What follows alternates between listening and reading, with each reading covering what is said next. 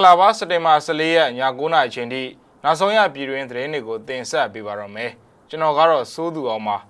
တိန်လေးတောင်းဓမြမှုမှာစီစဉ်သူဆိုပြီးဆွဆွဲခံရသူကသူ့လောက်တာလုံးဝမဟုတ်ကြောင်းငင်းဆိုလိုက်ပါတယ်ရန်ကုန်တိုင်းဒေသကြီးလှိုင်သာယာမြို့နယ်မှာတော့ဘုံ6လုံးထပ်မင်းပောက်ကွဲခဲ့ပါတယ်လေဝေးကစစ်ကောင်စီဂိတ်တစ်ခုကို နေပြည်တော် PDF ကဝင်ရောက်ပစ်ခတ်ခဲ့တယ်လို့ဆိုပါတယ်အသာမင်္ဂန်ပုဂ္ဂိုလ်ကိုဆွဲဆိုထားတဲ့ပုံမှန် 905ခါခွေအတွက်လာမယ့်ရုံးချိန်မှာဆွဲချက်အမိန့်ချဖို့တရားရုံးကချင်းဆိုခဲ့ပါတယ်ဒီမော့ဆိုမျိုးနဲ့ကဒါလာကျွရတိုက်ပွဲမှာလူငယ်2ယောက်ကြာဆုံးခဲ့ရပါတယ်မကွေးစကိုင်းနဲ့မန္တလေးတိုင်းတွေကမြို့နယ်တချို့မှာအင်တာနက်လိုင်းတွေဖြတ်တောက်ခံရရပါတယ်အေယာဝတီဘန်ကားပေါ်ကငွေကျပ်3,000လူရက်မှုကိုစီစဉ်ဆောင်ရွက်သူဟာဗကိုးပြည်သူ့ကာကွယ်ရေးတပ် မြို့နယ်တာဝန်ခံကိုမျိုးဆိုသူဖြစ်တယ်ဆိုတဲ့စစ်ကောင်စီရဲ့ဆွဆွဲချက်ကိုကာယံကရှင်ကလုံးဝမဟုတ်ကြောင်းငင်းဆိုလိုက်ပါတယ်။မင်းညကတက်တိုက်ဆဆိုင်ကျွန်တော်တို့အဖွဲ့တွေကနှစ်ယောက်အဖမ်းခံရတယ်။ဒီလူနဲ့ဒီအနေထားကဘလို့မှလုံးလို့မရနိုင်ဘူး။ကျွန်တော်ကိုပါဆွဲထည့်ပြီးတော့စစ်ကောင်စီကဖြစ်စဉ်တစ်ခုကိုပေါင်းပြီးတော့လုံးကြံတာဖြစ်တယ်။ဘကိုး PDF ကလောက်တာလုံးဝမဟုတ်ဘူး။စစ်ကောင်စီဘက်ကတမင်ပုံဖြတ်တာလို့ကိုမျိုးကမျက်စိမှောက်ကိုပြောပြပါရယ် အဖမ်းခံရတဲ့ပဲခူးပြည်သူ့ကာကွယ်ရေးတပ်ဖွဲ့ဝင်တွေဟာဘန်ငွေလူရက်မှုနဲ့မသက်ဆိုင်ပဲဧည့်စင်းစစ်ချိန်မှာပါသွားခဲ့တာလို့သူကပြောပါရယ်ဘဝင်နန်းက15မိနစ်အတွင်းရဲကိုသတင်းပေးဖို့နိုင်တယ်ဆိုပြီး9နာရီအတွင်းဖော်ထုတ်နိုင်ခဲ့တယ်ဆိုတဲ့ထုတ်ပြန်ချက်မှာလူရက်မှုမှာပါဝင်ပတ်သက်တဲ့ဆိုတဲ့အမျိုးသမီး၄ယောက်နဲ့အမျိုးသား၃ယောက်ကိုလက်နက်တွေကြီးစံတွေနဲ့ဖမ်းဆီးရမိကြောင်းစစ်ကောင်စီကထုတ်ပြန်ထားတာပါ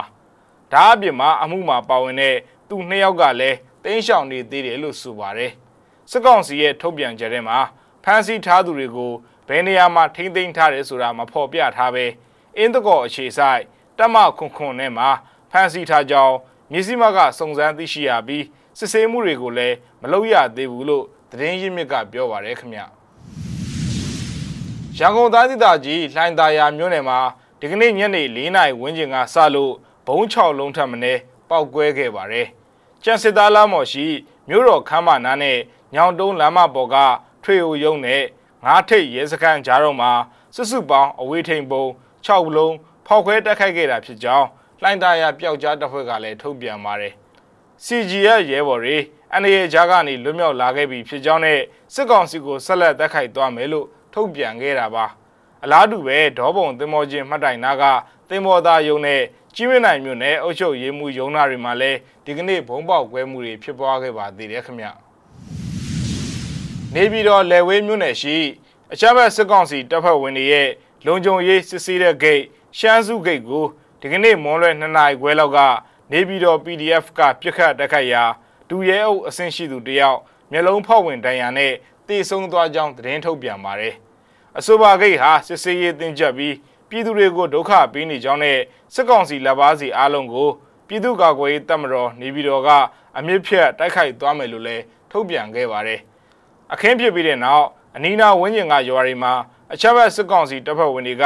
ဝင်ရောက်ရှာဖွေစစ်ဆေးမှုတွေပြုလုပ်နေကြောင်းဒေသခံတွေစီကနေသိရပါတယ်ခင်ဗျ။နိုင်ငံတော်ရဲ့အတိုင်ပင်ခံပုဂ္ဂိုလ်ဒေါ်အောင်ဆန်းစုကြည်ပါ၃ယောက်ဆွဲဆိုထားတဲ့ရာဇသကြီးဥပဒေပုံမှန်905ခါခွေအမှုအတွက် လာမယ့်ရုံးချိန်မှာဆွဲချက်အမိန့်ချဖို့ဇဘူသီရိမြို့နယ်တည်တဲ့အထူးတရားရုံးကချင်းဆိုလိုက်ကြောင်းသူ့ရဲ့ရှင်းနေဖြစ်သူကပြောပါတယ်။အတိုင်ပင်ခံပုဂ္ဂိုလ်အပါအဝင်သမရဦးဝင်းမြင့်နဲ့နေပြည်တော်မြို့တော်ဝန်ဒေါက်တာမျိုးအောင်ကိုပါ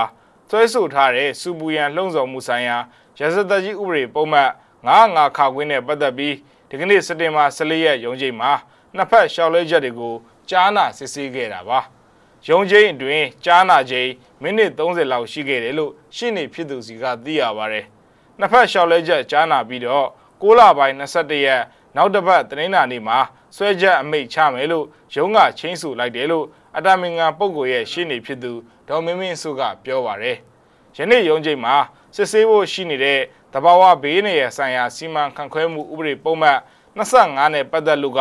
တရားလိုပြတတ်တဲ့နှစ်ယောက်ရဲ့စင့်ကော်စားအတိမဖြစ်သေးလို့မစစ်ဖြစ်ခဲ့ကြောင်းသူကဆိုပါတယ်။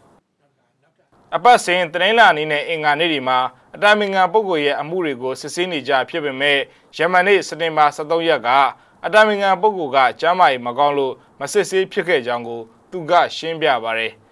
မနေ့ကကားမှုတာတတ်တတ်ပါရှင်ကြံတဲ့ကျမ်းမာရေးအခြေအနေကတော့ဘာမှမဖြစ်ပါဘူးပြီးတော့ပြန်ရောက်သွားတဲ့အခါမှာလဲ COVID-19 ကိုအကောလုံးဆေးရတယ်ပြောတယ် အကောလုံးပိုးမတွေ့ပါဘူးဒီနေ့လဲလလန်းဆက်ဆက်မှာပဲဆေးလဲတောက်လာတယ်ပြောတယ်လို့ဒေါ်မင်းမင်းစုကပြောပါတယ်အမှုမစစ်ဆေးခင် အမှုသည်တွေနဲ့အမှုအကြောင်းဆွေးနွေးဖို့ခဏတာတွေးဆုံခွင့်ရခဲ့ပြီးတော့ရုံးပိတ်ရက်တွေများတာကြောင့်နှစ်လကျော်ကြာစစ်ဆေးနိုင်ခဲ့ခြင်းမရှိတဲ့အမှုတွေကိုဒီကနေ့စက်တင်ဘာ14ရက်မှာဇဘူသီရိမြို့နယ်တီးသန့်အထူးတရားရုံးမှာစစ်ဆေးခဲ့တာလည်းဖြစ်ပါတယ်ခင်ဗျမကွေးစကိုင်းနဲ့မန္တလေးတိုင်းဒေသကြီးတွေကမြို့နယ်တချို့မှာ ဒီကနေ့စက်တင်ဘာ14ရက်မိုးလဲပိုင်းကစလို့မိုဘိုင်းအင်တာနက်တွေပြတ်တောက်နေပါတယ်အင်တာနက်ပြတ်တောက်တဲ့မြို့နယ်တွေကတော့မန္တလေးတိုင်းတွေကမြင်းကြံမြို့နယ်မကွေးတိုင်းတွေကတောင်တွင်းကြီးမြို့နယ်နဲ့စကိုင်းတိုင်းတွေကကဏီရင်းမာပင်ပလဲဘူးတလင်အရာတော်နဲ့ဝက်လက်မြို့နယ်တွေပဲဖြစ်ပါတယ်ဒီနေ့စနစ်ခွဲလောက်ကစပြီးအင်တာနက်စပြတ်တာဗျမိုင်တဲတာဝါတိုင်းတွေကတော့မရှိလို့မသိဘူး MPD နဲ့ Oridu ကတော့လုံးဝမရတော့တာ တယ်လီနောလည်းမရတော့ဘူးပြောတယ်လို့ရင်းမာပင်ဒေသခံတယောက်ကပြောပြပါတယ်အလားတူပဲကဏီနေတဲ့ကဒေသခံတယောက်ကလည်းဒေသခံတွေကတော့စိုးရိမ်နေကြတာပေါ့ဗျာလူငယ်မြင်တာနဲ့ PDF ဆိုပြီးတော့စစ်တပ်ကဆွဲတတ်တယ်အခုကစိုက်ပျိုးရေးလုပ်တဲ့အချိန်ဆိုတော့သတိထားပြီးတော့နေရတာပေါ့ PDF တွေကိုဖမ်းမယ်စီးမယ်လို့လည်းကြားတယ်လို့သူကပြောပြပါတယ်အခုအင်တာနက်ဖြတ်တဲ့ data ဟာအချမ်းဘတ်စစ်ကောင်စီကစစ်စင်ရေးပြုလုပ်မယ်လို့အတိမပြုနိုင်သေးတဲ့သတင်းတွေလည်းထွက်ပေါ်နေတာဖြစ်ပါတယ် အဆိုပါဒေသတွေဟာဆီယနာရှင်ကိုစန့်ကျင်တဲ့ဒေသခံ PDF တွေအင်အားကောင်းတဲ့နယ်မြေတွေလည်းဖြစ်ပါတယ်ခင်ဗျကရင်ပြည်နယ်ဒီမော့ဆိုမြို့နယ်ကဒါးလာကျွော်ကဖြစ်ခဲ့တဲ့တိုက်ပွဲမှာပြည်သူ့ကာကွယ်ရေးတပ်ဖက်ကလူငယ်၂ယောက်ကြာဆုံးခဲ့ရပါတယ်။ဒီကနေ့စက်တင်ဘာ14ရက်မနက်9:00နာရီခွဲအချိန်မှာအချမ်းဘတ်စစ်ကောင်စီတပ်နဲ့ကရင်နီတပ်မတော် KA ကရင်နီအမျိုးသားကာကွယ်ရေးတပ် KNDF PDF ပူးပေါင်းတပ်ဖွဲ့တွေနဲ့တိုက်ပွဲဖြစ်ခဲ့တာပါ။၄နာရီကြာတိုက်ပွဲအတွင်းအချမ်းဘတ်စစ်ကောင်စီဘက်က3ယောက်အထက်ဆုံးရှုံးမှုရှိပြီး KNDF တိုင်တစ်ဘက်က2ယောက်ကြာဆုံးသွားပါတယ်လို့ဒေသခံတွေကပြောပါတယ်။အချမ်းဘတ်စစ်ကောင်စီဘက်ကဒီမော့ဆိုအခြေဆိုင်တရင်ဖြစ်တဲ့တရားနှစ်တရင်ကနေလက်နက်ကြီးလက်နက်ငယ်တွေနဲ့ရန်တမ်းပစ်တာကြောင့်လဲဒေသခံနေအိမ်တွေပျက်စီးဆုံးရှုံးရပါတယ်။ဆက်လက်ပြီးတော့တိုက်ပွဲတွေပြင်းထန်လာတာကြောင့်ဒေသခံတွေကြောက်လန့်စိုးရိမ်ပြီး ဘေးလွတ်ရာကိုတိမ်းရှောင်နေရကစားနပ်ရိက္ခာနဲ့စေဝါတွေလည်းအရေးပေါ်လိုအပ်နေတယ်လို့သိရပါတယ်ခင်ဗျ။တီးရီမျိုးနယ်ထဲမှာရှိတဲ့မိုင်းတဲတာဝါရိုင်း၃ခုကို PDF တပ်ဖွဲ့တွေကစက်တင်ဘာ9 10 17ရက်နေ့တွေမှာဖျက်ဆီးခဲ့တယ်လို့သတင်းရရှိပါတယ်။ဖျက်ဆီးခဲ့တဲ့မိုင်းတဲတာဝါရိုင်းတွေကတော့တီးတိတ်မျိုးအဝင်မှာတတိုင်းကနေဒီတောင်ကြီးမှာတတိုင်းနဲ့ခိုင်ကမ်းမြို့နာမှာတတိုင်းဖျက်ဆီးခဲ့ကြတာလည်းဖြစ်ပါတယ်ခင်ဗျ။